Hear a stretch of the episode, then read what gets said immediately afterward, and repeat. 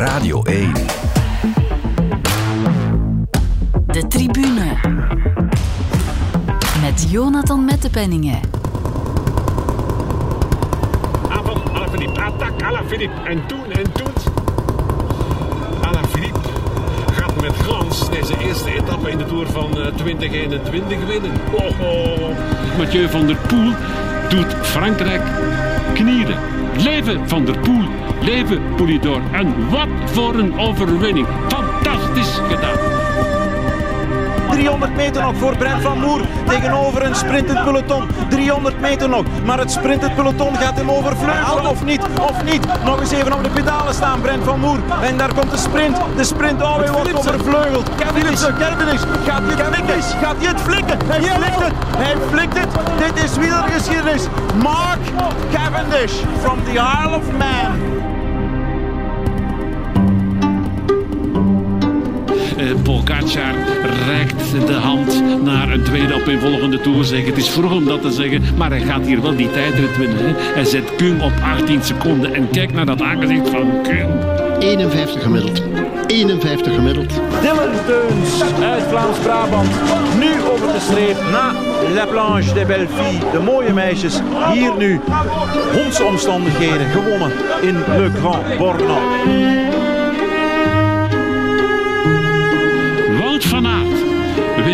De etappe met een dubbele Ventoux. Wout van Aert is een wereldcoureur. Tadej Pogacar wint voor de tweede opeenvolgende dag en zet zijn tweede opeenvolgende eindoverwinning van de Ronde van Frankrijk nog meer kracht bij. Vol, vol, vol. Voor een premier Grand Cru classé. Toptijd. 21 seconden rapper dan Asgreen. Moeder gods. Het is Philipsen of Van Aert. Cavendish komt nu en het is Van Aert die het haalt. Het is Van Aert die het haalt. Van Aert wint ook nog eens op de Champs-Élysées, mannen. Mauw, wat. Van Aert is en klimmer, en tijdrijder, en sprinter. Het was de Tour van Wout van Aert. Een Tour voor de Belgen met ook nog ritoverwinningen voor Dylan Teuns en Tim Merlier. En uiteraard opnieuw de Tour van Tadej Pogacar. Ook een editie die meteen doet watertanden naar de volgende. En dan is er niets beter om vooraf alles eens goed in kaart te brengen, te speculeren op wat kan en wat moet. En vooral wielerliefhebberij in de Franse Alpenbloemetjes te zetten. En dat doe ik vandaag met drie gasten. Drie van onze tourcommentatoren bij Sportza TV-duo Renat Schotten en José de Kouwer. En radiofenomeen Christophe van der Goor. Bienvenue à vous trois. Merci. Jonathan. Ik heb nog eens teruggeluisterd naar uh, onze opname van vorig jaar. Dat was toen met uh, Michel en José bij Tom toen nog. Toen ging het onder andere over een van de makkelijkste parcours ooit met amper drie aankomsten bergop. Hoe kijken jullie daar nu op terug? Wat, wat, wat zegt dat nog? Goh, um, uiteindelijk vind ik op dat vlak de tourvoorbeschouwingen wat het parcours betreft altijd vrij relatief. Mm. Waarom? In die zin... Um, Bijvoorbeeld Chris Froome, die uh, tig jaar geleden is uitgevallen in het begin, in die eerste week. Dat wordt nu ook weer een gevaar voor deze ronde van Frankrijk. Wat wil ik daarmee zeggen? Dat het allemaal... Ik vind het ja, vrij relatief in die zin dat er veel dingen kunnen gebeuren die losstaan van het parcours. Mm-hmm. Dat is dit jaar wel anders, moet ik eerlijk toegeven, want zes aankomsten bergop. Ja. Um, een zeer verraderlijke eerste week waarin de ploeg van Jumbo-Visma al heel veel gaat laten zien en, en misschien wel het heft in handen gaat nemen met uh, die bochtige tijdrit, met de fenomenale brug over de Grote Belt in Denemarken, met een sprint van Van Aert, de kasseien-etappe, wie gaat daar al op zijn smikkel of niet, uh, mm. dat soort dingen. Dus ja, dit jaar vind ik dat parcours wel wel veel belangrijker dan, dan anders, moet ik zeggen. Ja, José, jij, had het, jij zei vorig jaar ook al, we moeten daar niet te zwaar aan tillen. Het is wel een lastig parcours. Um, had je evenveel verwacht van die Tour toen? Ja, want als je ziet dat uiteindelijk de latere winnaar, Pogacar, ergens met een hele grote raid naar Le Grand Bornand was het, eigenlijk de rest van zijn concurrenten op 3,5 minuut rijdt. En er was geen aankomstberg op. De rit gewonnen door Dylan Teuns.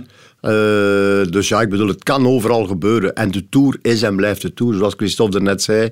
Uh, Vorig jaar waren we na een paar dagen in een valpartij van de een en de andere renner al kwijt. En dan verandert de Tour in één keer. Kan ook nu gebeuren. Kan ook iets gebeuren met Pogacar. Want ja. als, als je de Tour alleen logisch bekijkt...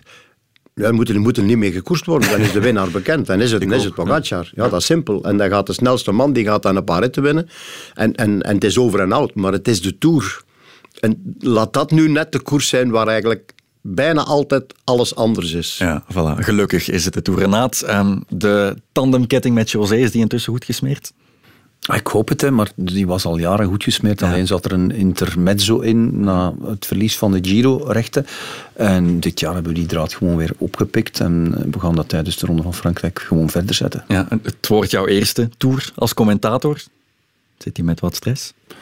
Het is de eerste volledige met een normale voorbereiding. Ik heb in het verleden al een, etappe of eh 18 gedaan via allerlei eh, invalbeurten. Ja. Ehm, is toch anders, hè? Natuurlijk is het anders. En eh, ja, het is ook anders omdat we, omdat we niet ter plekke zitten. Dat, dat is eigenlijk hetgeen waar ik het meest ehm, ja, schrik voor heb. En in hoeverre zal de adrenaline voldoende zijn om, om al die lange uitzendingen eh, tot een goed einde te brengen. Maar dan kijk ik naar José en dan eh, twijfel ik daar eigenlijk niet aan. Ja. Zij werken ook al samen van in de jaren negentig bij Ja, ja. Supersport toen nog. Hè. Dus a long time ago, hè, die tandem. Ja. Ja. Ik ging jou vragen voor een gouden tip aan Renaat, maar ik hoor dat dat eigenlijk eh, al lang niet meer nodig is. Eh, ik zou zeggen in het geval van Renaat voldoende koffie, maar dat is niet nodig. Dus eh, nee. Laat de koffie maar voor mij en de cola voor Renaat. Ja. Christophe, jij bent de enige die wel ter plekke mag gaan. Vang jij wat Erg, hè? jaloezie op vanuit het kamp Ja, van nee, Renaat ben en ik, José? nee, want ik zei zo net ook nog toen we in de gang naar hier wandelen, ieder, wandelden. Iedereen die vraagt van wanneer vertrek je, dan zeg ik in één adem. En dat is nu niet omdat ze hier naast me zitten, dat ik het heel erg vind Ja. voor de tv-mensen. Dat is al een aantal jaar dat zij eh, beneden in een hok in een eh, donker, grauw, grijze gang van de VRT moeten commentaar geven. Nu niet meer, hè? Allee, bedoel, het, Is het een beter commentaarhok? het is Ja? een, Ah, het er is daglicht. Er is daglicht, ja, En voilà. opgefleurd met posters en groene truien. En ik ga kasseien meebrengen voor de ja. kasseienrit en zo. Dus, eh, Nee, maar om op je vraag te antwoorden, ik ben dolgelukkig dat ik nog altijd van de bazen mag gaan, uiteraard. En, eh, dus ja, meer kan ik daar niet aan toevoegen, want eh, er gaat niks boven beleving ter plaatse. Dat is sowieso voor het wielrennen dat zich niet afspeelt in een stadion, zoals andere stadionsporten, is dat al sowieso moeilijker om die beleving te voelen. Ehm, maar per slot van rekening word je verslaggever en sportjournalistiek om bij het voetbal, bij het basketbal, bij de koers te zijn en dat niet voor een scherm eh, te doen. Ja. Dus ehm, ja. Uh-huh. De Tourtas, natuurlijk het commerciële hoogtepunt van een wielerjaar. Is het voor jullie ook het sportieve hoogtepunt? De Tour is de belangrijkste koers van het jaar, de grootste koers van het jaar. Daar kan je geen spel tussen krijgen. Het is misschien niet de mooiste koers van het jaar, dat is eh, een persoonlijke opinie. maar het, het is absoluut het, het, ja, de, het moment waar, waar alle ploegen op wachten. Hè. En de Tour is, is groter dan de koers eigenlijk. Dat is op zich wel weer een andere discussie. Maar het is wel de koers waar je naar uitkijkt. En, en als je in de koers zit en je leeft in de wielerwereld, ja, dan draait alles eigenlijk rond de Tour. Alles begint en eindigt met de Tour. En dat is, ja, dat is een, een, een waarheid als een koe. Eh, kan je niet onderuit. Ja. Akkoord? Eh, ja, ik, lees, eh, of ik las deze week nog een verhaal van Edwig van Nooydonk. Die zegt, een beetje plastisch zoals dat vroeger eigenlijk ging, van ja, je moet de Tour gereden, anders ben je geen wielrenner geweest. En dat zegt eigenlijk veel. Die komt uit een wielerfamilie. Eh, en en ja, je kan overal ritten winnen. Maar je moet eigenlijk maar één rit winnen, dat is in de Tour. En je kan overal een trui draaien, maar je moet eigenlijk maar één trui dragen, dat is in de Tour. En je kan overal opgeven, maar je mag nooit opgeven in de Tour. en dat is, dat is het, ja... Ik heb ooit eh, reportages gemaakt voor, voor Sportza en Radio Tour Ja. over Belgen die ooit één rit hebben gewonnen in de Tour. Dat is ondenkbaar dat je zoiets gaat maken voor de Vuelta of voor de Giro. No way, dat is de Tour. De Tour is juli, is vakantie. Ehm, ja, is, Jan Bakelands heeft ooit gezegd, er zijn maar drie momenten in een jaar die echt tellen in het peloton. Dat is het voorjaar, de Tour en het WK en alles daartussen. Dan verslapt die aandacht van de mensen. Dan weten ze ergens wel, ja, het is Dauphiné, maar dat, ja, de Tour. Bovendien is dat ook voor de organisator de grote melkkoe. Die beseffen dat heel goed, marketinggewijs ja, spelen ze dat uit. Ook met die fantastische tv-beelden. Ook eh, mensen die niet geïnteresseerd zijn in de koers zelf, kijken ook 's namiddags om die mooie kastelen te zien. Om de toeristische repo bij Vivre Velo te zien. En dat maakt volledig deel uit van dat vakantie-juli-plaatje. En dat merk je ook aan de ploegen. De ploegen zoals Jumbo en eh Pogacar en co. Die zijn eigenlijk alleen nog maar geïnteresseerd het toewerken na die Tour de France. Dus het overstijgt eh, alles en iedereen. Ja, laten we er dan maar snel naartoe gaan. De tribune. De Tour start dit jaar met een driedaagse door Denemarken. Met in de eerste etappe een korte tijdrit door hoofdstad Kopenhagen. Gevolgd door twee vlakke etappes, sprinteretappes of niet, wie zal het zeggen. De start in Denemarken, kijken jullie daar naar uit? Misschien eerst jij, Christophe. Jij gaat ter plekke. Ja, ja eh, twee keer al mogen doen. Eén keer WK wielrennen 2011 in Kopenhagen. Heel veel van mijn vrienden gehoord. Geweldige stad, dit en dat. Maar dat was een volledige week regen. Dus dat was, ik had daar zoiets van, wat is iedereen altijd over Kopenhagen en, en, en dat toeristische haventje, nu haven eh, bezig. Ik zag het niet. Nadien ben ik dan nog eens privé met mijn vrouw gegaan in het zonnetje, een septemberweekend alleen maar cocktails gedronken in, in, in Fiskehaven. Uh, fantastisch. Dus ik kijk er nu wel uh, naar uit. José zou daarbij uh, hebben willen zijn, denk ik, bij het drinken Ook om van de cocktails. cocktails. ja. ja. Maar het is een fietsgekke stad, wat ik ja. me herinner. Ja, bedoel, veel meer fietsers dan, dan auto's. En die grote Beltbrug met de mm. auto al overgereden. En dat is ronduit indrukwekkend. Ze hebben nog zo'n brug naar het vasteland van Zweden, richting Malmö. Um, de geboorteplaats van Ibrahimovic, denk ik, ja, Malmö. Denk het wel. Dus dat maakt uh, heel veel indruk. Um, natuurlijk is ook wel de, de reden die meteen zegt, net zoals Hongarije en Israël bij de Giro, mm. um, het geld regeert. Anders ga je niet met een Tour de France naar Denemarken of, ja, zoals er ooit al geruchten geweest zijn, om in het enige Franse departement waar we nog nooit geweest zijn, Guadeloupe te gaan starten. Of wie werd de eerste Amerikaanse stad, Chicago of New York. Dat is in deze milieutijden niet meer mogelijk, denk ik. Maar om er aan te geven, het geld regeert ook voor de Tour de France om die grand départ aan, aan het buitenland weg te geven of te verkopen. Want volgend jaar gaan we naar Bilbao. Ja. Dus uh, ja. Maar dan zijn ze eigenlijk niet goed bezig met de tv-commentatoren weg te jagen. Hè? Want wij moeten een show verkopen. En alle tv-commentatoren worden in studio's gedwongen omdat de prijzen aan de streep te hoog zijn. Dus dat is een enorme paradox. Ze willen dat wij hun verhaal verkopen, maar tegelijk ze het ons moeilijk om, om ons werk 100% te doen. Dus dat is een heel vreemde, verknipte redenering. De radiocommentatoren hebben het geluk ja, jij, mm-hmm. dat je daar nog omzonst kan gaan zitten voor gewoon de kostprijs en, en, en uh, eigen kosten. Maar de tv-commentatoren worden allemaal vakkundig weggejaagd. Dat is een enorme contradictie in terminis. Als je dat op dat um, city-marketing, Frankrijk-marketing, buitenlandse startsmarketing uh, plaatst, dan, dan ja, dat klopt gewoon niet. Daar ben ik het mee eens, maar daar is de, laat ons zeggen, de, de, de, de vakgroep commentatoren veel te zwak voor. Ja, wij gaan niet met tractoren naar de minister van Landbouw uh, rijden tot in de, in de tuin ernaar. Maar ik volg je redenering helemaal. We worden heel vaak, ook uh, José heeft dat ook tig keer meegemaakt, hij zat ook graag bovenop een kool en werd je beneden op een parking geplaceerd, waarvan je zei van wat doen we hier? Dus Tuurlijk, in zekere fout, zin zijn de commentatoren quantité negligible, zeker bij die bij de Fransen. Ja, die moet, dat is wel het gevoel dat we hebben. En toch, ieder jaar opnieuw zijn we daar weer maar, opnieuw van de partij. Wie zijn wij om te klagen? Als zelfs Julien Alaphilippe niet aan de start van de Tour mag komen. Want het is officieel, hè? hij gaat niet rijden. Um, kan jullie waarschijnlijk uh, ook de Quickstep uh, Alpha Vinyl selectie meegeven. Geen Cavendish, het is heet van de naald. Ja, okay. Net binnengekomen, ja. ja. En dan zie ik drie Denen, Honoré, um, Morkov en uh, Asgreen. Bajuli, Cattaneo, De Klerk en Lampaard. En Jacobs uiteraard. En Seneschal en Cavendish zijn reserves. Ja, geen Engelse, geen Franse kampioen. Bijvoorbeeld. Voilà. Het lijkt wel op een Giro-selectie bij Quickstep. Cataneo, Bajoli. Interessant hoe er geselecteerd wordt dit jaar voor de Ronde van Frankrijk. Vrijbuitersteam, José? Ja, vrijbuitersteam, maar toch wel in functie van Jacobsen. Hè. Met Cataneo hebben we toch wel een, een, man die echt heel goed, een hele goede tijd rijdt voor te beginnen. Een man die kilometers lang kan op kop rijden.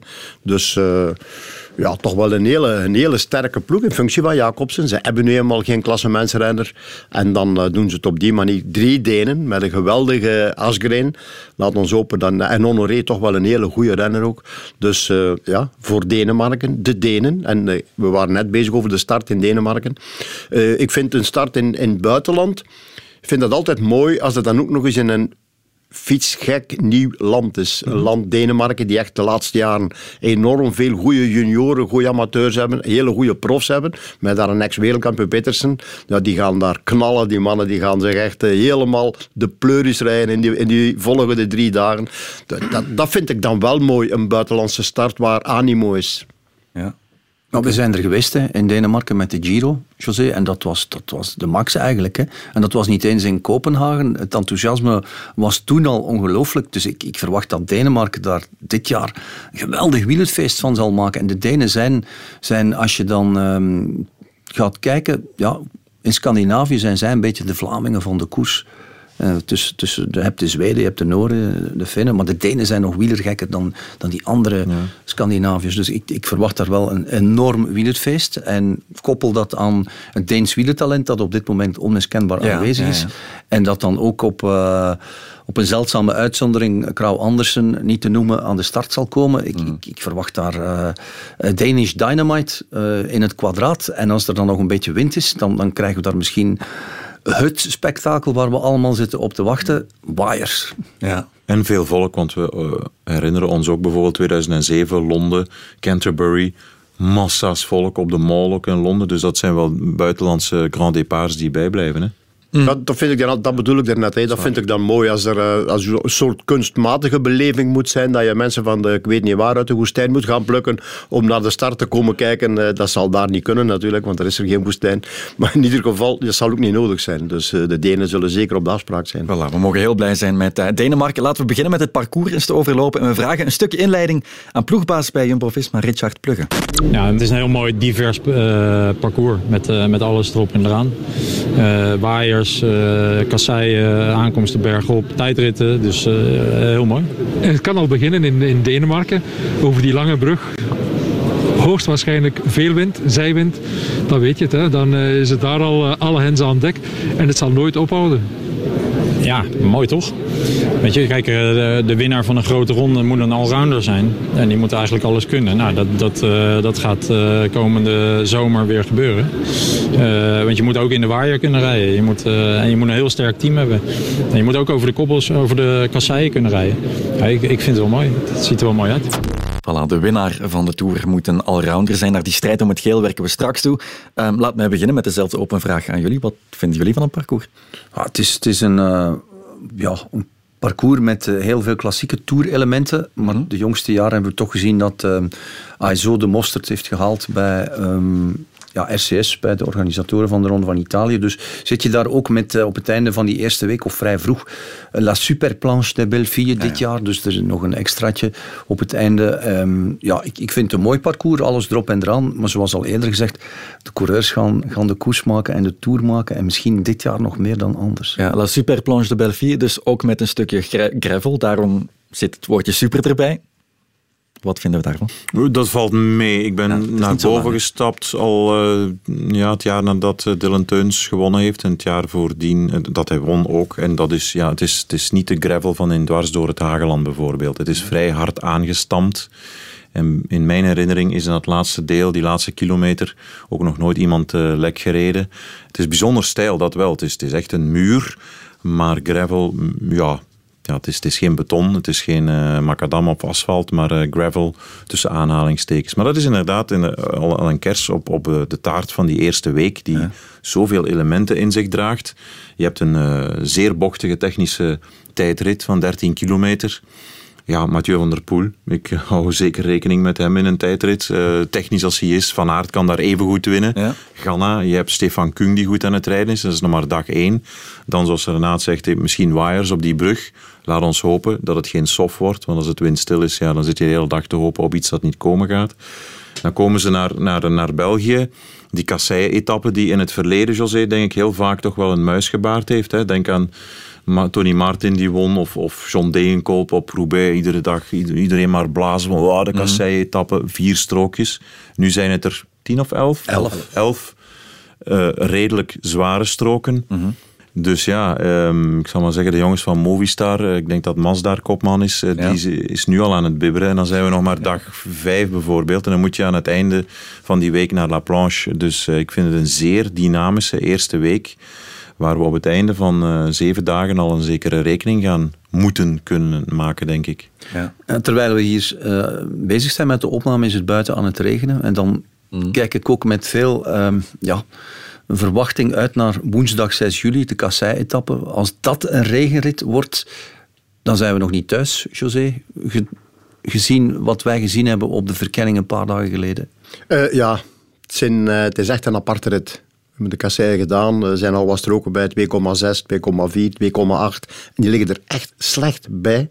Uh, ik weet niet of ze nog gaan poetsen, maar dan gaan ze toch heel fel en heel, met heel veel volk ten strijde gaan moeten trekken. Want het, is daar echt nog, er is echt nog, het ligt daar echt vettig en vuil en slecht mooi eigenlijk. Als je van spektakel houdt, mooi. En uh, de eerste week, ja, daar zit, daar zit echt alles in. Mhm. er zit echt, het kan al voor, de, voor een heel pak renners om zeep zijn, of voor een stuk om zeep zijn, of kunnen al voor een heel deel renners uh, die het geweer niet van schouder moeten gaan veranderen, maar die toch een, ander, een andere uit, uitvalshoek moeten gaan beginnen. En dat zou net zo goed voor Pogacar zijn, want die blijft in principe altijd buiten strijd. Maar één lekke band op een slecht moment kan daar ja, enorm veel eh, schade aanrichten. En uh, ja, ja, het is, een, het is een, een heel aparte week. Dus ik, ik denk dat als je die drie weken moet gaan spreiden qua beleving en energie, dat je eigenlijk in de eerste week al het meeste gaat verspelen van allemaal. Toch de klasse mensman. Ja, ja ben ik, uh, en bijvoorbeeld ook de vraag van Aert. Hè, die, die zal echt ja, intern toch aan het popelen zijn om op die kasseien los te gaan. Maar ik denk niet dat hij daar al voor eigen rekening zal mogen rijden. Wat denk jij? Zal hij... hij gaat mee moeten. Als Ja. hij voor groen gaat, dan gaat hij altijd mee moeten. Het zal een Van Hooijdonk zijn die voor, eh voor Roglic en anderen... Denk je, ja? Ja. Ja, het is Ja, denk als als, als Wout Van Aert- die rit gaat laten schieten. Zomaar. Ja, ja, maar zomaar in die zin. Ik snap waar je naartoe wil, maar er zijn vele andere ritten. Eh, Longwy, Lausanne, bergop, waar hij veel meer punten gaat kunnen pakken. Sowieso los van de, de sprints op zijn concurrentie. Los van het mentale, want hij, hij zegt nu al, ik ga dat doen. Dus de helft heeft al schrik om nog maar de strijd aan te gaan. Maar zouden ze daar op dag vijf of zes ehm, bij Jumbo al zeggen van...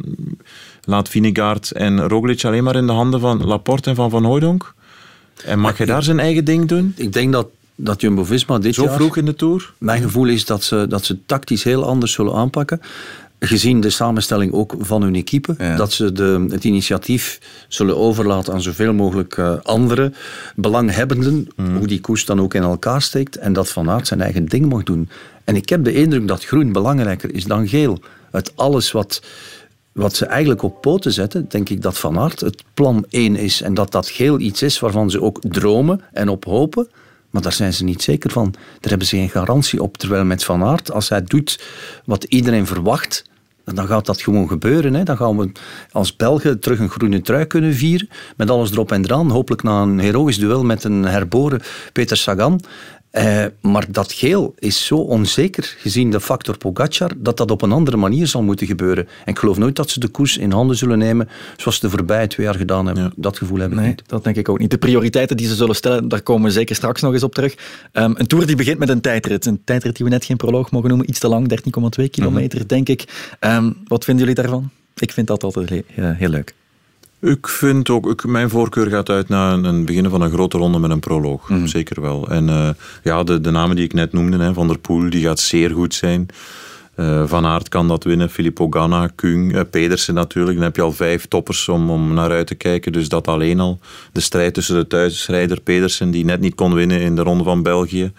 Ehm, ja, Ja, de laatste keer dat een tour nog begon met een tijdrit was in 2017 in Düsseldorf toen. Weet jullie nog wie dan won? Eh, Grant Thomas en Valverde ging onderuit in de bocht in de regen. Brak zijn elleboog of schouder. Eh, dat eh, zou kunnen. Ik heb Thomas opgeschreven omdat ik het interessant Ja, vond. ja, ja. Want op tijd opnieuw.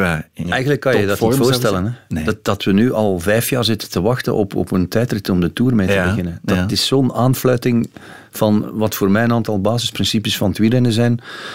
Ik vind dat te lang voor een ronde van Frankrijk. En ik- ik weet dat het tijdrijden, de, ja, de jongste jaren, ze hebben dan ook een periode gehad met ploegentijdritten. Dat is helemaal een, eh, een aanfluiting van wat, wat koers zou en eh, kunnen en moeten zijn.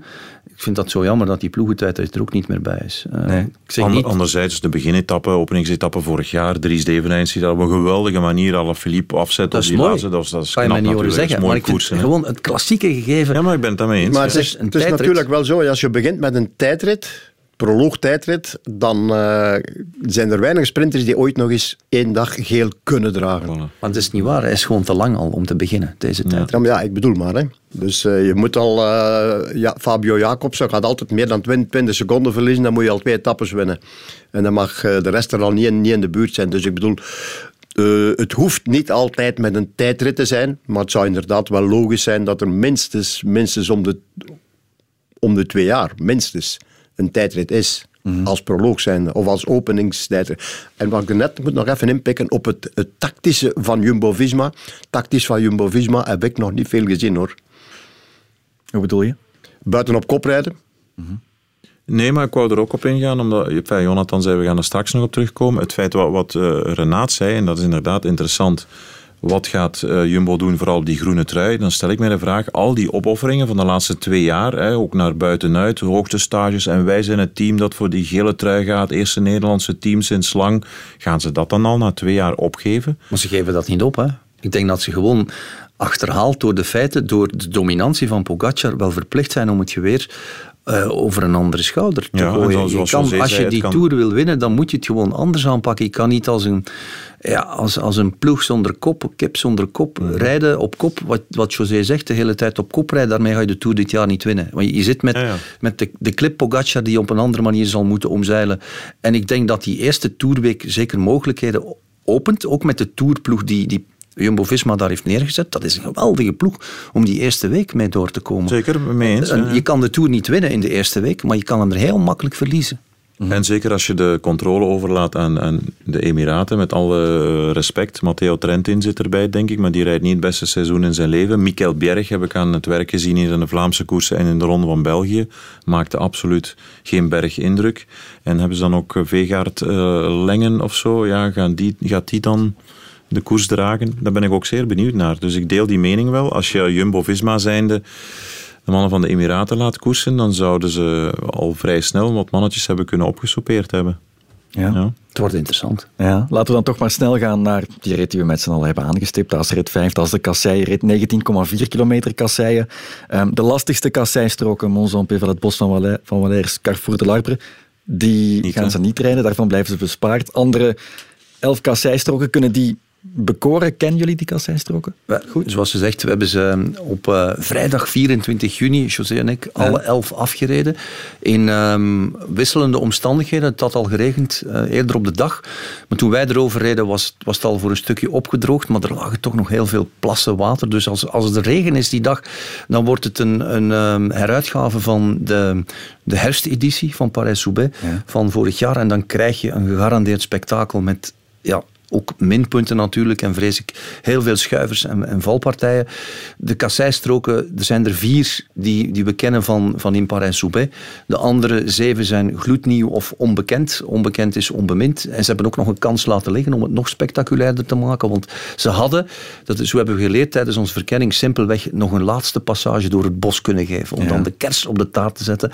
En dan misschien bergop te eindigen. Dus niet de, de klassieke kant. Ze hadden de andere kant van het bos kunnen nemen. Wat in het verleden in Parijs-Roubaix ook is gebeurd. Hebben ze niet gedaan. Vonden ze er misschien over bij het uittekenen van het parcours.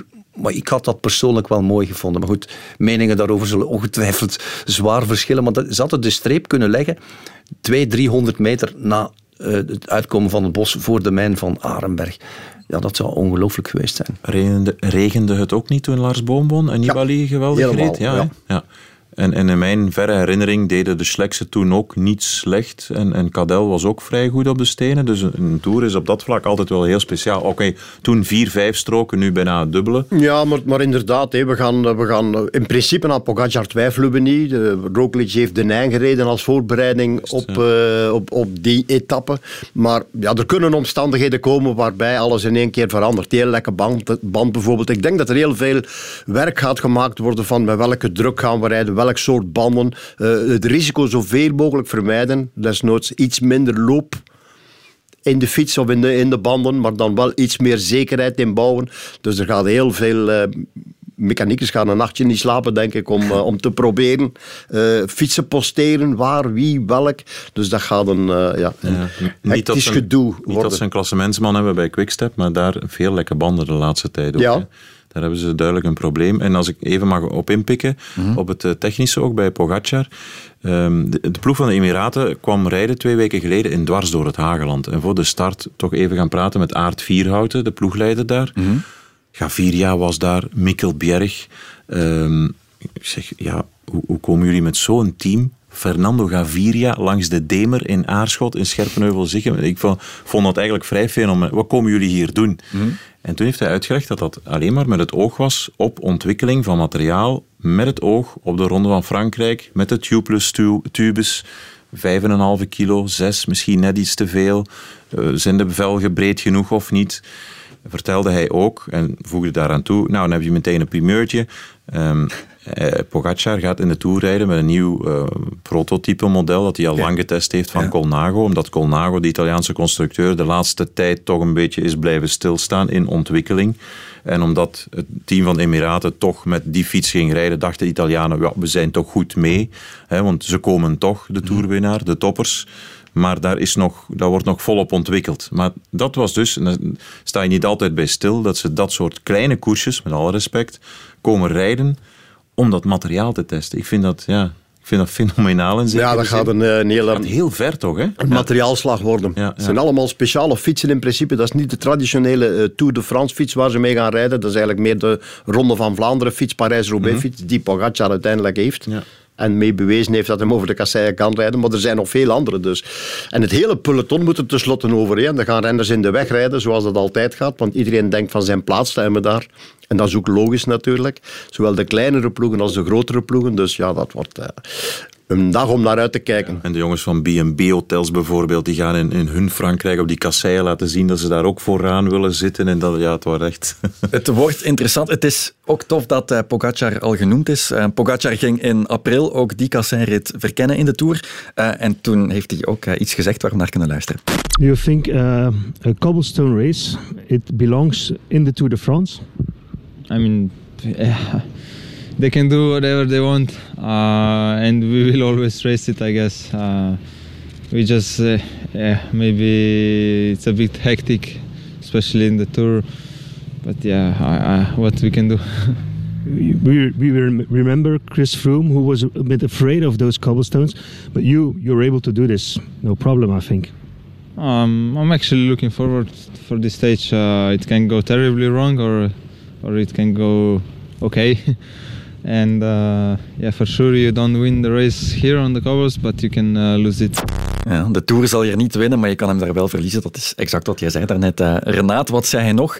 Eh, oh, ik ben even vergeten wat hij zei. Eh, Ja, heel simpel. Van, you, you, have to, you have to do it. Het- je, je moet er toch gewoon over, Ja. daar kwam het op neer. ja, de vraag waar ik naartoe wilde, hoort een kasseirit in de Tour? Hij zelf zei, ze kunnen beslissen wat ze willen. Wat, wat vinden jullie? Er zal sowieso, of je nu een kasseirit plant of niet in de Tour, er zal altijd commotie rond zijn. Als er geen kasseirit in zit, dan zullen de bepaalde wielerliefhebbers zeggen, ja, er zit geen kasseirit in. Als die er wel in zit, dan wordt er gezegd van, ja, dat hoort niet thuis in een grote ronde. En zo krijg je de eeuwige commotie rond al dan niet... eh, eh, ja, voor de hand liggende feit, of, of is het passend in een grote ronde? Ik vind persoonlijk dat als je een grote ronde, zoals de Ronde van Frankrijk, eh, wil winnen, dan mogen daar kasseien in zitten. Ik heb daar niks tegen als, als wielerliefhebber. En, en ik herinner me dat eh, de man die, die de kasseien ook echt niet lief had, eh, heeft wel twee keer, eh, dacht ik, heeft, heeft twee keer gewonnen in Roubaix, hè?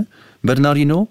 Hij heeft ook een, een, een kasseirit in de Tour gewonnen met aankomst in Roubaix. En heeft naast Parijs-Roubaix ook nog de kasseirit in de Tour gewonnen. Dus als hij nood kon, en ja, dan moet Pogacar het ook kunnen. En moet hij het ook gewoon doen. En het hoort er ook gewoon bij. Je moet, als je meervoudig toerwinnaar wil zijn, met de juiste plek in de geschiedenisboekjes, dan moet je die kasseirit mee overleefd hebben. Voilà, je moet een... Ik ben het daar niet helemaal mee eens. In die zin dat het, het, het hoeft niet in een Tour de France. Waarom? Je hebt een voorjaar met kassei-klassiekers. Daar kunnen de mannen die dat eh, goed kunnen zich uitleven. Waarom? Omdat je toch ergens op een weegschaal moet proberen af te wegen. Wat, ze- wat is- zijn de, de middelen, het geld, de inspanningen die je levert om goed te scoren in een ronde van Frankrijk. En het kan up zo kwijt zijn. Eh, Dat is, dat is de koers, hè? Froome, ja, maar daarvoor zijn andere koersen, vind ik. ehm maakt... Dan moet je ook geen Strade Bianchi geven in de Giro d'Italia. Dan moet je ook geen... Ja, dat is ook Ja. zo. Ik vind dat dat eh, de discussie waard is. Want maakt het een Pogacar, maakt het vroeger misschien een Contador of wie dan ook ehm, een grote renner met meer uitstraling in de Tour de France, omdat daar wel. een kasseien-etappe in zat. Ik vind het spijtig Eh, dat Froome de kasseien niet gehaald heeft in, in 14. Dat hij er nog voor, toen ze vertrokken in de regen vanuit Waregem, nog voor de kasseien is hij ten val gekomen. En we zullen het dus nooit weten of, of een Froome op het toppunt van zijn kunnen iets had kunnen betekenen op die kasseien. Maar een eindoverwinnaar van de Tour de laatste jaren heeft nooit gezegd van ik heb de Tour gewonnen omdat ik zo goed over de kasseien kan rijden. Natuurlijk niet. Want daar gaat het is altijd niet van oef, op het einde van de dag, ik heb het over overleeft. Geen enkele toerrenner verleent aan zo'n kasseien-etappe... ehm, hoe moet ik het zeggen, heel veel eh, roem of, of eer. Ze zijn gewoon content dat het voorbij is. Het, is eh, het zijn gedane zaken, die moeten, die verplicht zijn, maar niemand heeft daar vreugde is- of plezier maar dat is van. met een bergrit voor een sprinter even goed zo. Hè? Ja, maar die krijgen vlakke etappes, hè, Renate, in Ja, een Tour ja, eh, en in een grote ronde daarvoor. Hè. En tijdrijders krijgen een tijdrit. Het is duidelijk. Dus, ja. Christophe is contra, ik ben pro. Ik ben bijvoorbeeld, eh, ik vind die discussie ehm, niet op zijn plaats in het geval van ploegentijdrijden. Dat Ja. vind ik dat hij ieder jaar in de Tour de France moet zitten. In tegenstelling tot een kassei-etappe. Daar ben ik wel voor. Het is een individuele sport die wordt gereden per ploeg. Mhm. En een ploegentijdrit hoeft geen 60 kilometer te zijn of 130 zoals in de tijd van José. Dat hoeft zeker niet. Maar ehm, ja, daar ben ik wel heel fel voor. Wat vindt de ex-coureur die hier bij ons zit daarover, over Kassei in de Tour? Want je blijft verdacht stil, José. Maar daarom, hij, zo slim is hij. Hij laat ons een beetje hup, hup, hup. En dan komt nu het finale Het oordeel over de Ja, nee, van ja, José. ik, eh, ik ga dan terug naar Pluggen. Hè. De manager van Roglic die zei van ja. een toerrenner moet een compleet iemand zijn. Eh, ik weet dat Pogacar in de, zijn eerste toeroverwinning eh anderhalve minuut verloor in een waaier. De waaier, hè, ja. Door lekke band, door een lekke band in de tweede waaier terechtgekomen. Daar sprak ook niemand over. Of hij stond al aan de leiding voor La Planche Belfie. Dus ik bedoel maar, het kan zowel in de waaier gebeuren, dan op de kassei gebeuren. En die kassei die, die brengen, ehm, ja, vooral meer stress teweeg. Enorm, nog meer stress. Dat is een van de grootste stressmomenten. Eh, dat begint al de dag ervoor. Dat renners die fiets moeten gaan uittesten. En, en, en, ja, en dan komt die etappe zelf. En ik denk dat de, de, het gewicht aan stress meer is dan het gewicht aan kasseien, om het zo uit te drukken. En de sprint daar naartoe, hè, José, Ja, naar die de strook. schrik, dat wordt- de schrik het, eh, het, hele, het hele gebeuren. eh, ik moet er nog bij zeggen, we hebben de kassei be- bekend, allemaal. En de meeste beginnen aan een kerkhof en eindigen aan een kerkhof. om, Om maar, het plastisch uit te drukken. om maar plastisch uit te drukken. En sommige eindigen eh, aan een watertoren. Ja. Dat wil zeggen dat je naar boven gaat. Interessant om in de gaten te houden is ehm, de balans tussen waar gaan, er zijn meer dan genoeg favorieten voor een klassieke Parijs-Roubaix die gaan deelnemen. Wat doen zij?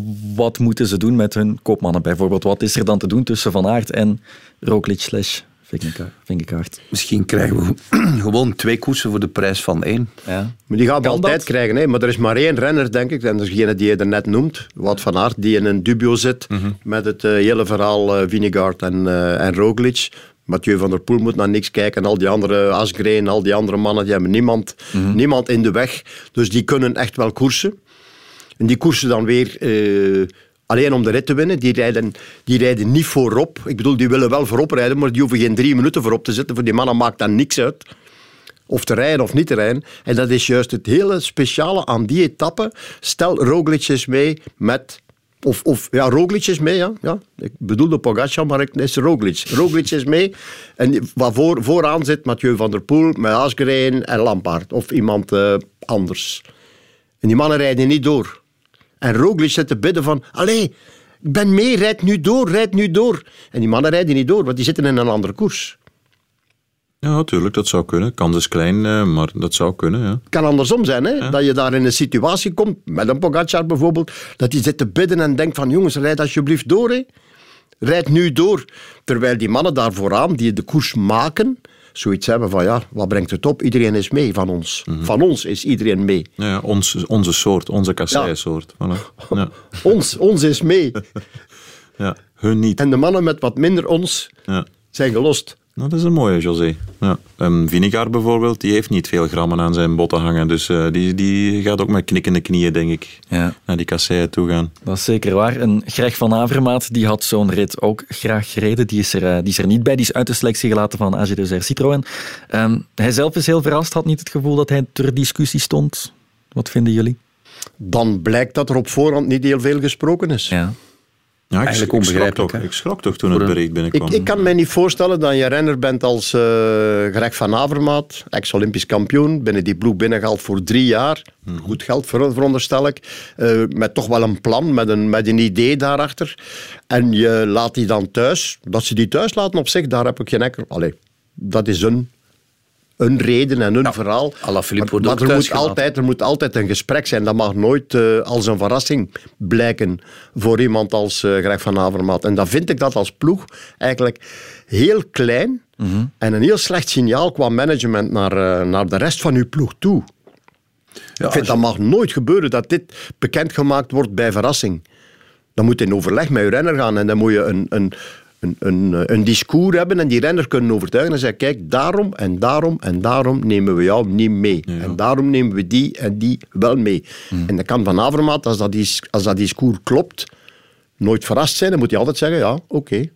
Ja, ja oké, het is goed. kan niet anders dat er nu iets gebroken is bij Van Avermaat ten opzichte van zijn team. Hè. Zoiets laat je niet koud natuurlijk. hè. Helemaal niet. Maar het is, het is hun eigen uithangbord naar beneden halen. Eigenlijk wat Ja, ze doen. Je, pakt een ex-Olympisch kampioen binnen met een zekere reputatie. Ja, dit mag zich nooit voordoen, eigenlijk puur in de moet communicatie. natuurlijk wel ook altijd kwaliteit blijven, hè, Renaat. Want, ja, Cavendish wordt ook opnieuw Brits kampioen, maar die wordt Maar daarover gaat voor niet. een Het is- reden. het is wat José het is, zegt. Het is inderdaad het menselijke op vlak van communicatie. Hadden ze misschien moeten zeggen, kijk Greg, je bent niet meer zoals een paar jaar geleden. Het is wat minder, daarom misschien. Hè. Goed, ja, Olympisch kampioen, maar op basis van, van het verleden alleen gaat dit niet. Maar als de jongen van totaal niks wist en moet het dan zo vernemen...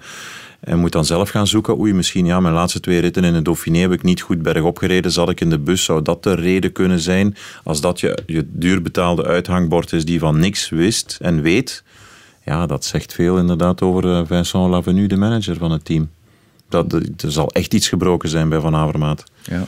Snap je de reden waarom dat Van Avermaat thuis is gelaten? Het is om Ben, Connor, ben O'Connor waarschijnlijk mee naar boven te sleuren. Maar O'Connor kan, en dat heeft Van Avermaat ook zelf aangehaald, kan, kan de man worden die, die de buitenwereld gaat verrassen. Want ja, voor de buitenwereld, als, als O'Connor podium rijdt, dan, dan wordt dat gezien als, oh kijk, een revelatie. Alhoewel hij natuurlijk vorig jaar al vierde is geworden, maar zo zal de buitenwereld dat perciperen. Dus dat is wel een verhaal. Maar dan nog hadden ze daar gewoon... eh, ja, ze hadden dat op een andere manier moeten, moeten oplossen. En ze hadden ook, eh, ik denk dat je met Van Avermaat, als je spreekt over eh, in functie van O'Connor, ook wel iets had kunnen doen in die kasseirrit. Dus ja. Of misschien heeft men geredeneerd dat Van Avermaat ja, toch nog te zeer naar zichzelf kijkt misschien. Ik denk dat dat zou kunnen meespelen. Daar waar een eh, Oliver Nase, dat hebben we gezien in het verleden met Bardet, echt een enorme teamplayer kan zijn. En op dat vlak is Van Avermaat toch nog meer een kopman die, denk ik, en dat is geen verwijt, maar misschien een vaststelling, in zo'n ronde van Frankrijk altijd nog op de loer ligt van waar ligt misschien een kansje om toch terecht met, ook, hè? met te sparen. En ja, terecht.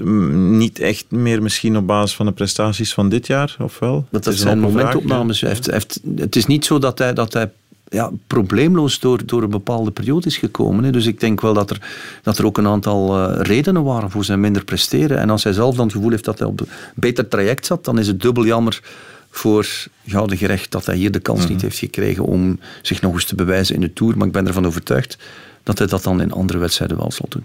Ja, we hebben al... eh, we hebben Wout van Aert al vaak aangesneden in kleine dosisjes hier. Laten we een iets groter thema van Aert openen. Hij wil absoluut voor groen gaan dit jaar. Hoe belangrijk is zo'n kasseirit dan? Vallen daar veel punten te, te, te rapen? Want dat Niet net zoals een andere etappe. Hè. Maar eh, één zaak staat vast, dat eh, graan, gaan voor groen is eh, sprinten in de sprints. In sprints waar hij misschien anders niet aan zou meedoen. Ja. Met het gevaar op valpartijen. Met het gevaar op meer wringen, nog naar de streep toe. Eh, met alle risico's van dien. Dat is een... dus relatief belastend. Hij is inderdaad de beste renner die eh, voor groen kan gaan. En zoals Christophe in het begin al zei, van, er zullen er... Ik denk niet dat er één iemand in het peloton nu gaat opstaan en zegt van ja, ik ga ook voor groen. En hoeveel, en hoeveel kans denkt hij? Oh, redelijk. Denk het niet. Er is geen Sagan, geen goede Sagan. Er is geen eh, Kelly, er is geen eh, Zabel. Van dat type renners zijn er niet. Er is een Mathieu van der Poel, maar die gaat niet meedoen aan groen. Dat ligt weer anders. Maar eh, elke keer weer opnieuw sprinten, die ploeg eh, relatief laten rijden tot en met de tussensprints. Eh, de boel samenhouden, controleren en dan moeten sprinten. Met alle risico's van dien, van die toch wel gekke sprinters ook. En die hectische sprints die er altijd zijn. Ja, als Groenewegen Eh, en Matthews zich daartussen gaat gooien voor die puntjes, eh, nog eens 10 en nog eens 11. Ja, en kansen op valpartijen en zo. En, en ik denk dat Wout eh, graag wil winnen, maar toch vooral valpartijen wil vermijden ook. Want hij is niet de sprinter, zo in de zin van met alle risico's van din. Eerder recht toe, recht aan. hè. Eerder recht toe, recht aan en liefst met veiligheid. En hoe, hoe, hoe meer kansen die mannen missen, die echte sprinten, zo agressiever er het aan toe gaat. En dat blijft nu helemaal met lead-outs en al dat gedoe. Dus dat, eh, dat groen, dat gaat nog... eh, ja, dat gaat nog spektakel opleveren. Ja, Ja, ja, ik kijk er naar uit. ja. Voor, voor ons is dat een, eh, ja, het is een, het is een koers met twee truien nu. Terwijl we vroeger altijd keken naar een koers met één trui. Ja, en de sprints, dat is iets waar ik altijd ongelooflijk naar uitkijk. Mhm. Een Toersprint becommentariëren, dat is eigenlijk een van de dingen die ik het liefst van al toe. Ik ben voor 99% eens met José. Mhm. Dat ene procentje, dat is dan dat ik wel geloof in Sagan. Eh, Toch? Toerit, ehm, een Tour de Suisse etappe gewonnen. Oké, Slovaaks kampioenschap stelt misschien minder voor. Eh, maar ik denk dat we een Sagan zullen zien die misschien eh, toch wel die handschoen kan opnemen tegen Wout van Aert. Ik geloof er niet in. Nee.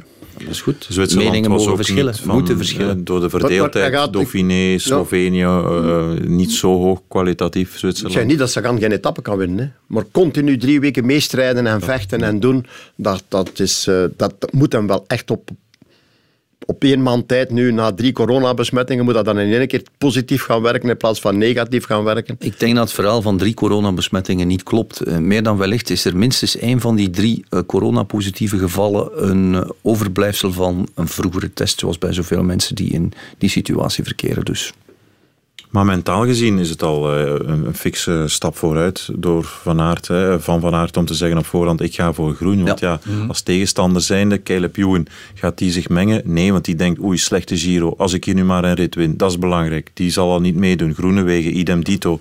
Die is terug aan het komen. Jacobsen krijgt het vertrouwen bij Quickstep. Gaat die dan zijn krachten verspillen in een tussensprint? No way. Dus wie ga je dan krijgen? Eh Christophe, Matthews... Eh, Matthews gaan we weer al zeggen voor het tien jaar op, het, op een rij van ja, ja, misschien een ritje winnen, weer net niet zo.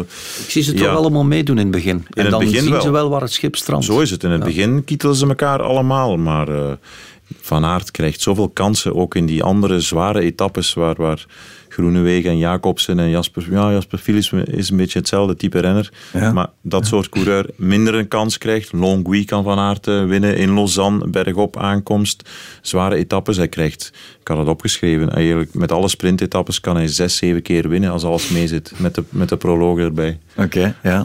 Als de vorm is zoals in het Dauphiné, Ja. dan, dan gaat hij gewoon de eerste vijf Ja. ritten winnen. Hè. Moeten daar niet aan twijfelen. Want je hebt gelijk, hij zegt inderdaad heel duidelijk, ik wil die groene trui winnen, maar ook, hij heeft al de groene trui in Parijs-Nice gewonnen, hij heeft die in de Dauphiné al gewonnen.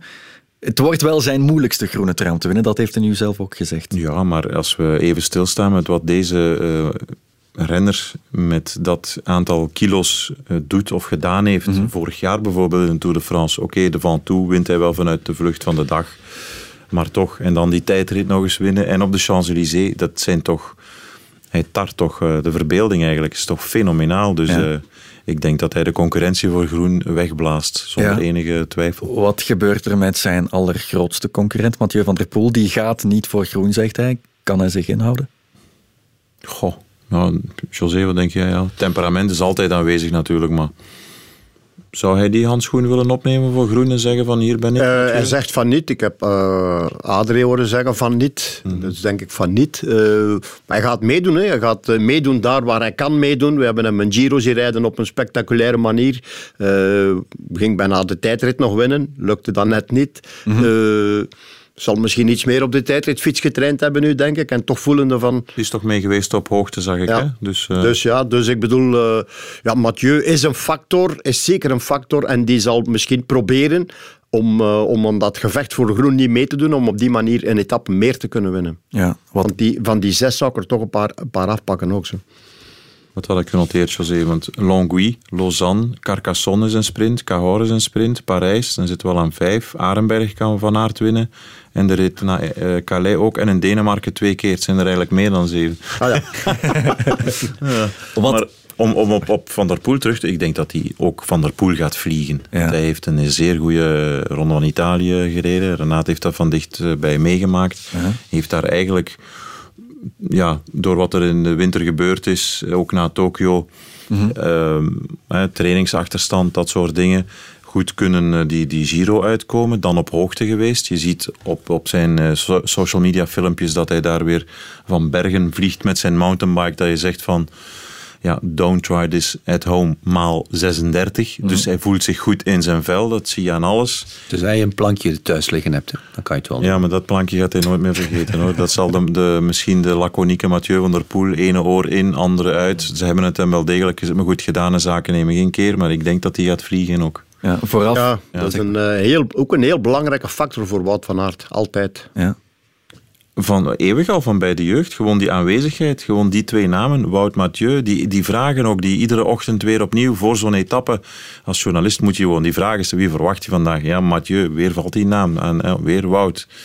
dat, dat eeuwige... Zelfs het duo Philipsen, eh Philipsen Mathieu van der Poel zou kunnen een belangrijk duo worden. Ja. Bliksemafleider, Is- schaduwspits. Ja. Is Philipsen een, een probleem voor Van der Poel om een groene trui te pakken dan maar? Nee, probleem zeker niet. Maar, Maar, pakt eh, Philipsen geen massasprint af van Van der Poel? Mm, Ja, ik, denk dat die twee zich beter zullen verstaan dan Merlier Philipsen, vermoed ik. Hè? Want Philipsen vorig jaar drie keer tweede zeker in de Tour. En dan nog eens een paar keer derde. Dus iemand met echt veel inhoud. En onderschat hem niet. Hij is ook zo bezig met zijn sport, Jasper, Jasper Philipsen, dat hij echt gaat willen bewijzen en laten zien wat hij in huis heeft. En Mhm. dan kunnen ze met elkaar een soort van bliksemafleider eh, spelen, denk ik. En mocht het een top eerste week worden voor Van der Poel, dan gaat hij zich zeker niet wegcijferen om eens een keertje een sprint aan te trekken voor Philipsen. Daar ben ik ook zeker van. Ja. Jasper Philipsen zelf ehm, had ook de vraag gekregen of hij voor de groene trui zou gaan. Ook daar kunnen we eens eh, naar luisteren wat zijn antwoord was. Hoe ga jij naar de Tour? Ga jij voor groen en Mathieu voor ritoverwinningen? Nee, ik denk dat we vooral alle twee voor uh, ritoverwinningen gaan. Ik denk dat dat uh, het hoofddoel is van de ploeg. En dan zo zien uh, hoe dat de Tour evolueert. Maar ik denk uh, de eerste prioriteit is proberen een etappe winst te halen. Maar je hebt vorige keer ook al verschillende ereplaatsen behaald. Je kan op een iets zwaarder parcours kan je vaak nog wel mee. Dus dat moet toch in je achterhoofd zitten? Goh, ik, nee, het echt vooral uh, proberen uh, een rit te winnen. Dat, is, dat zit er nu in mijn hoofd. Uh, en dan zullen we zien, doorheen de Tour, als je, als je ritten wint, pakt hij heel veel punten. Dus dan komt dat automatisch wel in het vizier. Maar ja, de eerste, eerste prioriteit is proberen een rit te winnen. Ja, dus niet in die eerste plaats voor Groen, dat zij tijdens de ronde van België. Um, kan hij hem halen, Philipsen? Of is er, is er bijvoorbeeld iets gekrenkt in dat Belgisch kampioenschap gisteren? Hij was de gedoodverde favoriet. Goh. Speelt zoiets mee? Ik denk uh, in eerste instantie dat Philipsen vooral de, de tranen omwille van het verlies op de Champs-Élysées uh, wil omzetten in vreugdetranen. Ja, ja, en ik denk dat dat kan. Ik denk dat Philipsen eigenlijk alleen maar beter is geworden sinds vorig jaar. Dat Belgisch kampioenschap, dat is een momentopname. Dat zal absoluut geen rol meer spelen eens de Ronde van Frankrijk vertrokken is. En um, het enige wat daar nog... Ja, laten we hopen dat hij daar niks structureels heeft geraakt bij die pijnlijke val op die tramrails. Want eh, een renner rijdt dan soms in adrenaline die wedstrijd, dat kampioenschap nog uit. En pas een paar dagen later blijkt dan, oei, toch iets overgehouden aan die val. Laten we vooral hopen dat hij gewoon 100% fit en gezond aan de start komt in Denemarken. En dan ben ik vrij zeker dat er voor Philipsen minstens één rit uit de kast valt. Ja. Eén groot probleem binnen die ploeg hebben ze, dat is het gemis aan Ricard. Ja. Ze hebben geen uh, lead-out, uh, geen laatste man die eigenlijk die taak op zich nam, die na, voor mij na Morkov en de Buist misschien wel de derde beste man was en echt in een stijgende lijn zat, echt wel... Uh, misschien wel de op één na beste laatste man ging worden, maar dat is er voorlopig niet bij. Dus hopelijk komt hij volledig uh, terug. En anders moeten ze op zoek naar uh, iemand die dat kan, want uh, je bent maar sprinter. Eigenlijk als je een goede lead-out hebt. Zeker in je, het moderne wielrennen. Ja, als ja. je ziet de laatste etappe van Wout van Aert vorig jaar op de Champs-Élysées, aangetrokken door Teunissen op een fantastische manier en daardoor Philipsen geklopt. Draai zet het andersom en Philipsen wint. Ik bedoel, het ligt van details af. Mm -hmm. Mm -hmm. Om dat stukje groen af te sluiten, wie zijn de grote concurrenten? Wie zijn de grootste concurrenten voor Van Aert? Renaat gaat Sagan zeggen. Ik hoop Sagan. Hè. Ik bedoel, ik, ik heb geen eh, ja, eh, wetenschappelijk bewijs en voortschrijdend inzicht zal mij misschien tot andere Je hebt de eh, geschiedenis mee, hè, dus, ja, ja, Maar de oudjes doen het goed dit jaar. Met, Ja, met Voelsang, met nooit afschrijven. Sagan. Dus, ja. Nooit Ja. afschrijven. Ik bedoel, Cavendish is op een bepaald Kev. moment ook volledig afgeschreven. en dat is niet eens zo lang voor de vorige Tour gebeurd. Eh, Oké, is er nu niet bij. Dat is ook op zich jammer. Die 35 die gaat er niet komen. Dat zal dan volgend jaar eh, in een andere ploeg moeten gebeuren. Meer dan waarschijnlijk. Eh, en zo blijven we maar voort eh, filosoferen. En dat is alleen maar leuk. Dat maakt het alleen maar interessant. Maar ik denk voor het groen... Ik denk dat er niemand, zoals je al zei, durft zeggen ik ga Wout van Aert beconcurreren. Dat is een vreemde situatie op zich. Ik gooi gewoon Michael Matthews in de groep als tweede, omdat hij altijd meedoet aan de tussensprints, maar eigenlijk al jaren tekort komt om nog eens een echte massasprint te winnen. Ja. En ja, that's it. Zoveel jij nog een vierde hond? Ja, Vroom. Vroom. De tribune. Radio 1.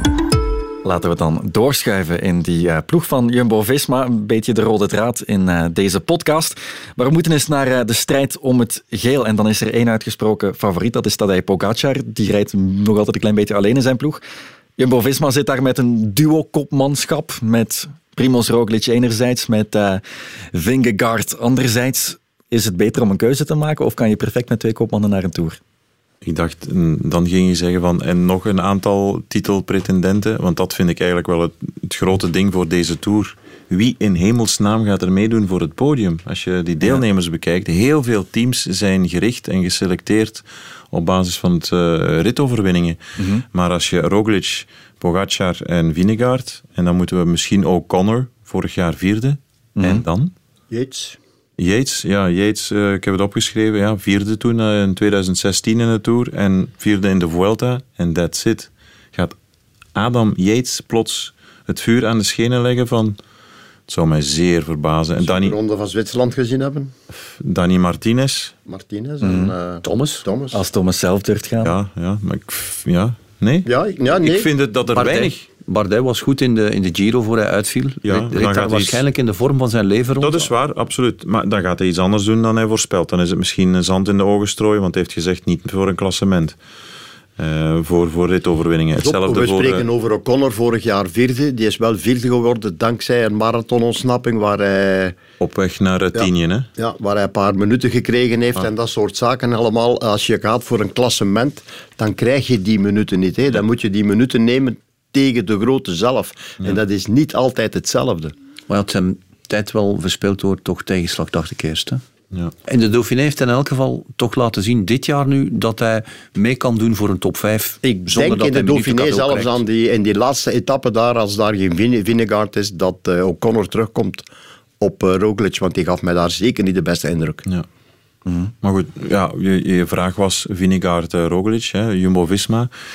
Kijk, Daar kijk ik ook wel naar uit. Wordt het een vadermoord of niet? Eh, Roglic ja, zal wel als de nummer 1 starten, maar krijgen we eenzelfde Chris Froome, Bradley Wiggins verhaal als in 2012, waarbij de ene toch duidelijk toont en laat zien dat hij beter kan klimmen dan de ander. Ja. En ik denk, ben me nou zeker, zo goed ken ik José, dat hij dat ook denkt dat Vinegaard eigenlijk de betere is, klimmend En, van Roglic. Vinegaard kan ook nog eens een geweldige tijdrit rijden. Voilà, en wat doen dus we eh, wat dat betreft, maar ik zou, ik, zou, ik zou het op zich helemaal niet erg vinden mocht ik in, het, in de positie zitten van Jumbo-Visma met twee hele goede renners. En ik zou durven van in te beginnen eh, die twee gebruiken. Niet eh, in, een, in een ontsnapping met twee, drie, vier renners, maar, maar eh, je kan perfect in Roubaix. Allee, stel je bent met twee. En er is er één die overleeft, dan heb je er toch altijd nog één. Hè? Als je- Ook in functie van pech bedoel je dan ook? ja. hè? ja, ja. en van alles en nog wat. Laat die mannen gewoon meekoersen, volgen, kijken, rijden, situaties proberen inschatten en dan wel dat tactisch proberen gebruiken van er rijdt een groep weg van 15, 20 man. En dan zou je misschien zeggen, ja, ik, ik ga als klassementsman daar niet mee mee, want het is een vlakke etappe of ik ga dat niet doen. Maar gaat mee, dat kost geen krachten. Gaat mee en op die manier ga je die ploeg van Pogacar ondermijnen.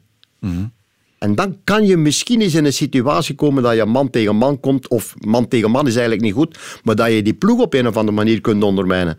Maar zolang als je dat niet gaat doen en er blijft controle van Pogacar, ja, dan heb je een probleem. Dus ik zou graag met twee kopmannen zijn. Je weet natuurlijk ook, José, hoe snel dat een, als een vluchtgroep ziet, oei, hier zit een belangrijke pion voor het klassement, dan houdt men meestal de benen stil, wordt er niet doorgereden. Ja, maar als daar, als daar voldoende baroudeurs bij zitten, types de Gent en anderen die bij zichzelf denken, ja... Ja, zo wat, ik wil toch koersen. Ja, dat kan, dat kan, ja. En het kost geen energie en je maakt de boel... Je, je, je gooit de koers open. Als je de koers niet gaat opengooien... En naar de slagbank laat leiden, dan heb je helemaal niks. Dan heb je een probleem. Ja. Dat bedoel ik niet. Hè. Dus ik dan uh, op weg naar de Granon of, of misschien Alpe d'Huez, uh, Pogacar kennende, nu toch al meer belanghechtend aan de geschiedenis. Alpe d'Huez is een mm -hmm. geschiedenisvol iets in de Tour de France. Dan rijdt hij daar op een, een minuut of zo. Hè. Zoals vorig jaar over de Col de Rom ja. naar Le Grand Bournon. Dan heb je een probleem natuurlijk als Jumbo zijn. Dan heb je misschien spijt van dingen die je in die eerste week niet hebt gedaan. Ja. Dat, dat, is nu juist het verschil met de Tour. Je moet in de Tour moet je altijd elke rit wakker zijn. Ja, altijd kijken. Is er een moment dat je situatie kan gebruiken of omzetten in het voordeel? Dan moet je dat doen. En, en ik weet het zin. Men zegt, ja, maar ze gaan nog met minuten goochelen. Ja, ja. Maar, maar hebben is hebben en krijgen is de kunst. En, en de Tour is drie weken lang en er gebeurt zoveel in de Tour dat, ja, dat, je, dat je moet altijd bij de zaak blijven. En, en ik denk dat ze, dat ze bij Jumbo nu in een situatie komen dat ze niet de wedstrijd moeten gaan dragen zoals ze dat gedaan hebben twee jaar geleden daarvan. Uh, we have, Zijn we, we have we to trust de- in ourselves and uh, we have to believe we are the strongest. Uh, we gaan hier in Nice een beetje door de regen rijden en iedereen een beetje kalm doen. En Dumoulin die zegt van, jongens, ze verklaren ons allemaal gek. Waarop de ploeg zegt, ja, maar wij zijn de beste, we gaan uit van, van onszelf.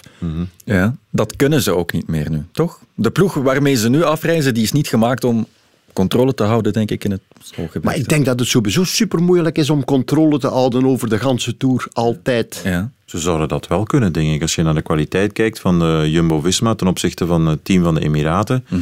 Met Benoot, met Laporte, met Van Hooijdonk, met Van Aert. De twee kopmannen. Eh, Kruiswijk, die zich als enige Nederlander zal smijten tot en met om, om zijn plaatsje te berechtvaardigen. Ik denk dat zij eh, de beste ploeg hebben. Ze. Ja, maar ze hebben de beste ploeg. Oké, en dan ga je 300 en zoveel kilometer op... Of 3000 en Nee, nee, maar dat moeten ze niet doen, daar ben ik het mee eens, Zoveel hè. kilometer op kop rijden. En dan diep in de finale, de laatste 13 kilometer of 15 kilometer van een of andere belangrijke rit, zitten daar drie renners voorop. Vinegaard, Roglic en Pogacar. En Pogacar rijdt weg. En je hebt de hele dag op kop erin. Ja, zo is het. Ja, dat kan. En dat zou één keer kunnen, dat zou twee keer kunnen, dat zou drie keer kunnen gebeuren. En dan ben je de beste ploeg, maar zo ga je de Tour niet winnen tegen Pogacar. Je moet altijd vanuit een andere standpunt denken. Dat ene woord, hè, wat, wat Christophe zo net zei, controleren of controle, dat is wat ik niet fijn vind aan de Tour. Ik hoop dat het een oncontroleerbare ronde van Ja. Frankrijk wordt. Met heel veel chaos, zoals in de Giro of de Vuelta. Dat zou de droomtour zijn. Als je nu eerlijk, eerlijk bent en je bent met drie, bijvoorbeeld op de Col du Granon, met Vinegaard, met Roglic en met Pogacar, dan gaan we waarschijnlijk weer roepen van ja, we moeten hem proberen te isoleren. Dan is hij geïsoleerd, maar hij is gewoon de beste. Hoe kan je die jongen verslaan? Als Ja, hij, als het hij niks tegenkomt, hoe kan je Pogacar kloppen? Je kan er alleen maar met twee, bij- met twee bij blijven door die zelf niet aan te vallen. In Als je zelf week aanvalt, dan gaat de ene de andere kapot rijden. Voilà. Als je de betere bent, als je bij de betere bent en je bent met drieën vooruit, is hoe meer dat er aangevallen wordt, alleen maar beter voor de betere. Tuurlijk. Een paar minuten aansmeren in de eerste week. Ja, begin. het, het klinkt heel pejoratief. Bijna hopen dat hij ergens pech zou hebben en dan kan het spannend worden. Maar normaliter, als we hem hebben zien vlammen over de kasseien in Vlaanderen en die jongen overkomt niks, wat je natuurlijk echt niemand mag toewensen, dan, dan valt daar toch niks aan te doen. Ja. Dan moet je altijd voorzichtig blijven. Ik heb je- zelf ook met Bernal, met Bernal geroepen, die wordt acht keer eh toerwinnaar en het is voorlopig, gaat het voor lange tijd bij één blijven. Dus ja. Is het zo duidelijk, het zijn die drie en er komt niemand anders bij? Moeten we nog andere namen noemen of, of is dat voor... Ik zou toch maar De afwachten. en Ik zou toch maar afwachten. Ja, Ik zie eerlijk gezegd niemand. Enric Mas, Movistar, gaat het niet doen. nee. Ehm, heel veel vrijbuitersploegen, die, eh, Lotto, Quickstep, B&B, noem maar op, eh, Education, Oeran, op zijn tachtigste gaat het ook niet meer doen. Als je kijkt naar de top 10 van vorig jaar, Kelderman ja, is er niet bij, Vlaashoff misschien, maar ja, de, hoe goed... Lijkt mij een, eh, Een gevaarlijk... Drie kan- kandidaat. Ja, ja, dat, ja ik, zo gelijk O'Connor vorig jaar, derde, vierde, vijfde. Dus geen Carapaz bij. Ik ben zeer benieuwd wat Ineos doet. Want toch, ja, oké, ex-tourwinnaar Thomas, goed aan het rijden, ja zeker. Maar niet meer de Thomas van zijn toeroverwinning. Volgens Bradley Wiggins heel erg onderschat. Zei je onlangs. Ja, misschien. Maar ja, de jongen is ook, zit ook heel fragiel op zijn fiets. Hè. Laat ons niet vergeten, wie lag er vorig jaar als eerste weer bij? Of een van de eerste? Grant Thomas. Hè. Danny Martinez zie ik eerder voor een rit gaan dan voor het klassement. En dan Guillaume Martin, 11e, 10e, 12e. Ehm, ja. Lutsenko heeft gezegd dat hij het podium wil halen. Maar ja, goed. Ja, is de kopman van Astana Ja. ook. Geen Lopez mee. Dat, eh, Ja, dat is ook zo'n samenraapsel eh, met daar eh, Moscon ook nog bij en zo. Ja. Ja, ik- buiten de twee van Jumbo zie ik niet zo heel veel tegenstand voor eh, Pogacar, helaas. Ja, Renat, jij houdt van een oncontroleerbare tour. Dit is er dan misschien eentje, maar wat vind je dan van zo'n tour met ja, een beetje vastgeroeste topfavorieten? Waar er... Ik besef dat, dat een ongecontroleerde tour dat dat een illusie is. Omdat de belangen zo groot zijn. Dat, dat al die ploegen gestroomlijnd tactisch hun ding doen. En dat eh, de eerste achter de tweede rijdt, de tweede achter de derde, enzovoort, enzovoort. Dus dat is het bekende verhaal. Omdat het wielrennen nu eenmaal is wat het is. En de belangen in de tour zo groot zijn. Dus eh, ik, ik verwacht...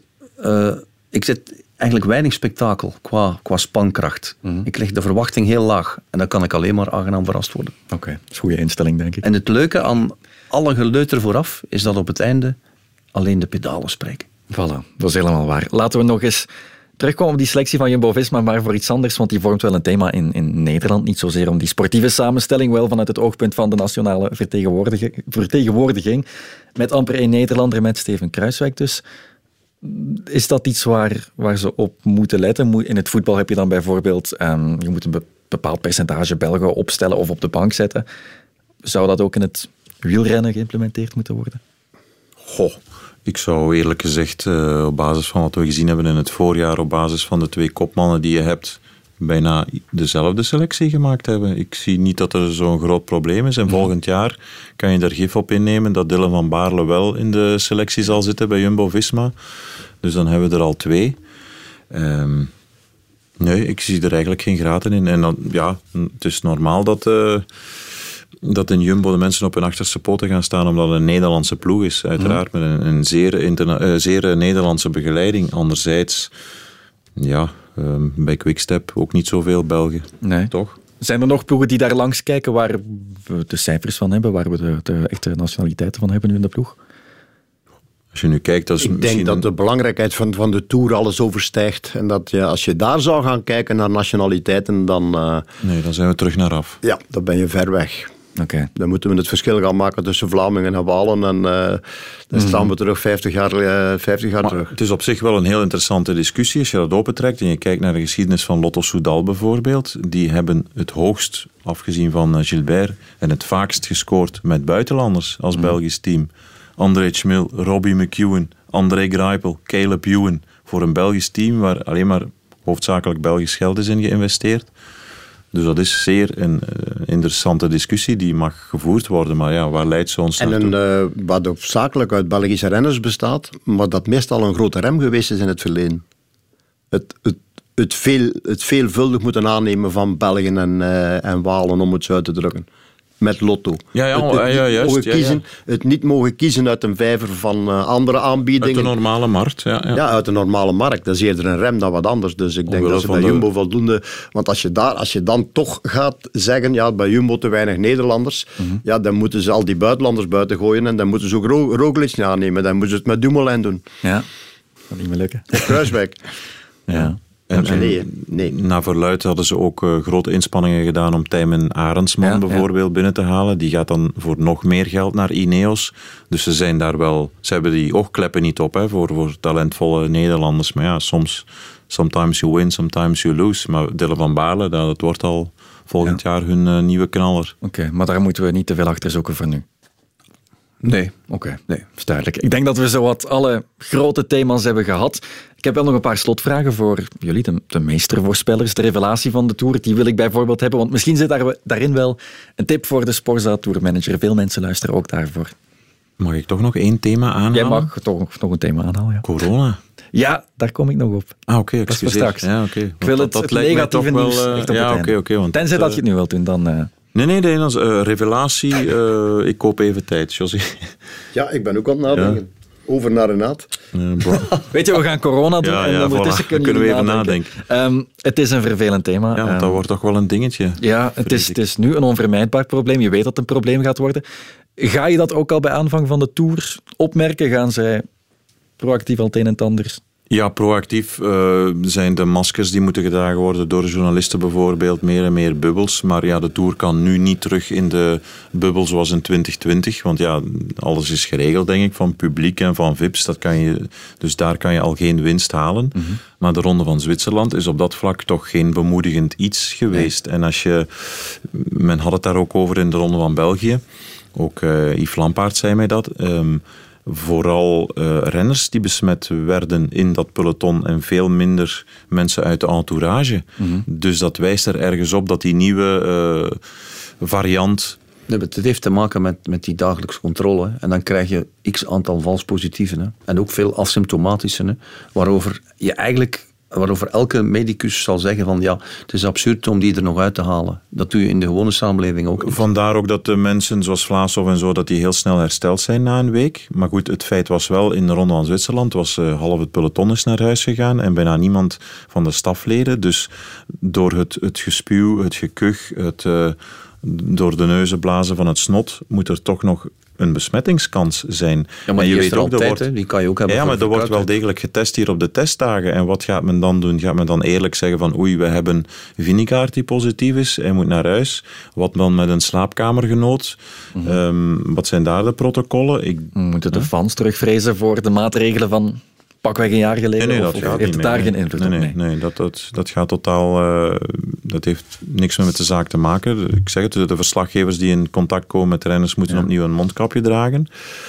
Maar ook in die hotels en zo, ja. ja enfin, ik, ik denk dat het een spook is dat er boven hangt. Ehm, Mhm. En dat het misschien nog wel erger is dan in 2020 en 2021, toen we amper een renner positief gehad hebben, behalve Christian Prudhomme. Ja, Nee. zeer benieuwd. Toch een eh, kleine donkere wolk die Ja. inderdaad over de Tour kan gaan hangen. Ehm, zijn we klaar voor die slotvragen? Gossé. De revelatie van deze Tour. De tip voor de Sporza Tour manager.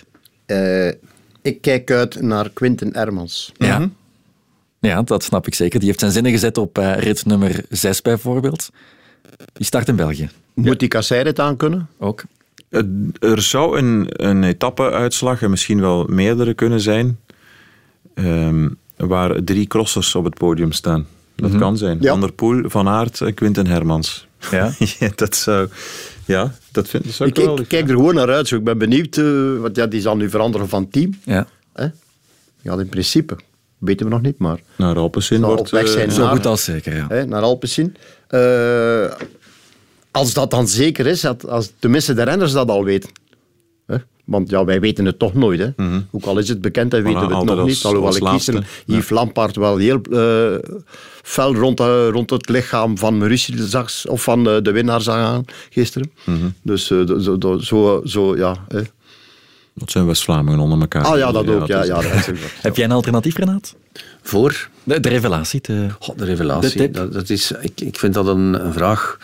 Dat, Kan je niet voorspellen Ik, er zijn renners waar ik naar uitkijk, Ja. maar ik kan geen revelatie voorspellen. Dat is ook de, de afgangvraag, hè, die, die, die eh, niks eh, wijzer brengt. Ik, ik kijk uit naar alle Belgen, uiteraard. Ik kijk uit naar ehm Jacobsen, Ja. om emotioneel persoonlijke redenen, omdat ik hem eh, twee jaar geleden daar heb zien liggen voor dood op het asfalt van, van Katowice.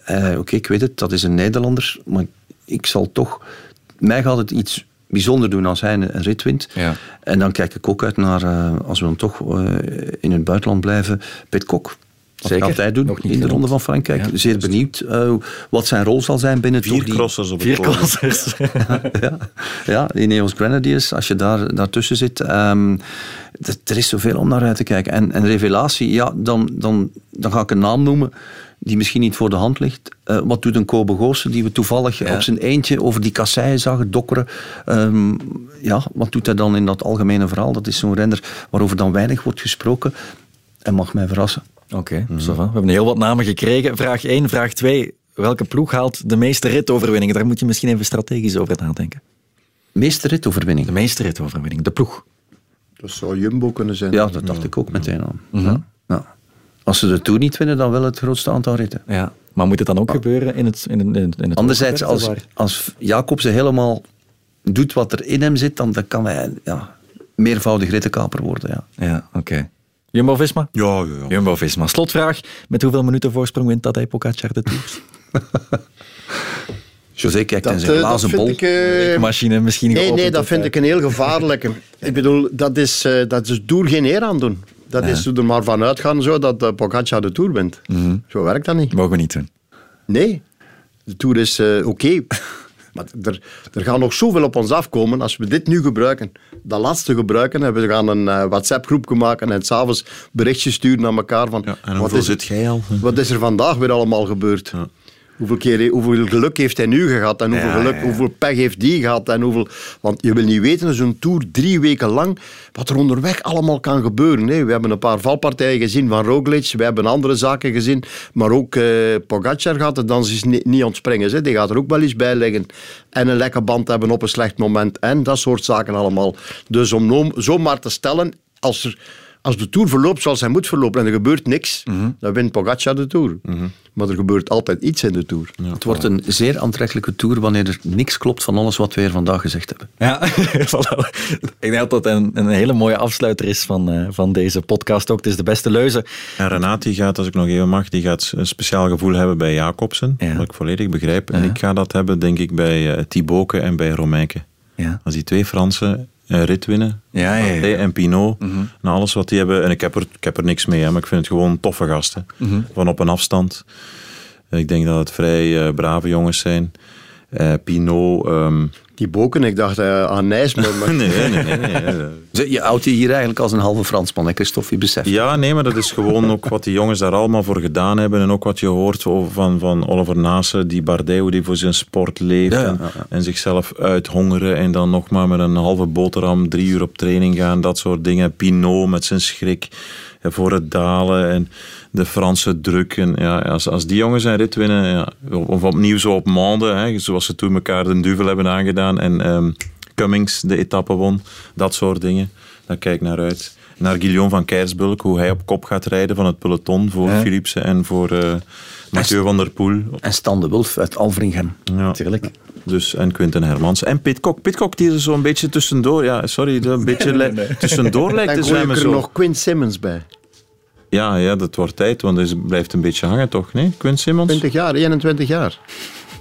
Evenepoel had toen al eh, veel aan andere de Tour dingen... gestart, nog niet gestart in de nee, Tour. nee. Nu wordt het echt name-dropping in het kwadraat. Ah, wel ja, maar kijk, het, het klinkt ook een beetje als laatste steunwoordjes voor eh, die jonge jongens. die Moet hij wel van Twitter afblijven, Simmons. Want wat hem toen gedaan heeft, dat vond ik niet echt koosje. Maar goed, dat is een ander verhaal. een jeugd, eh, dat is een jeugdzonde, zullen we maar zeggen. Zo kennen we het Dat nog. moet Ja. u zelf maar eens opzoeken thuis.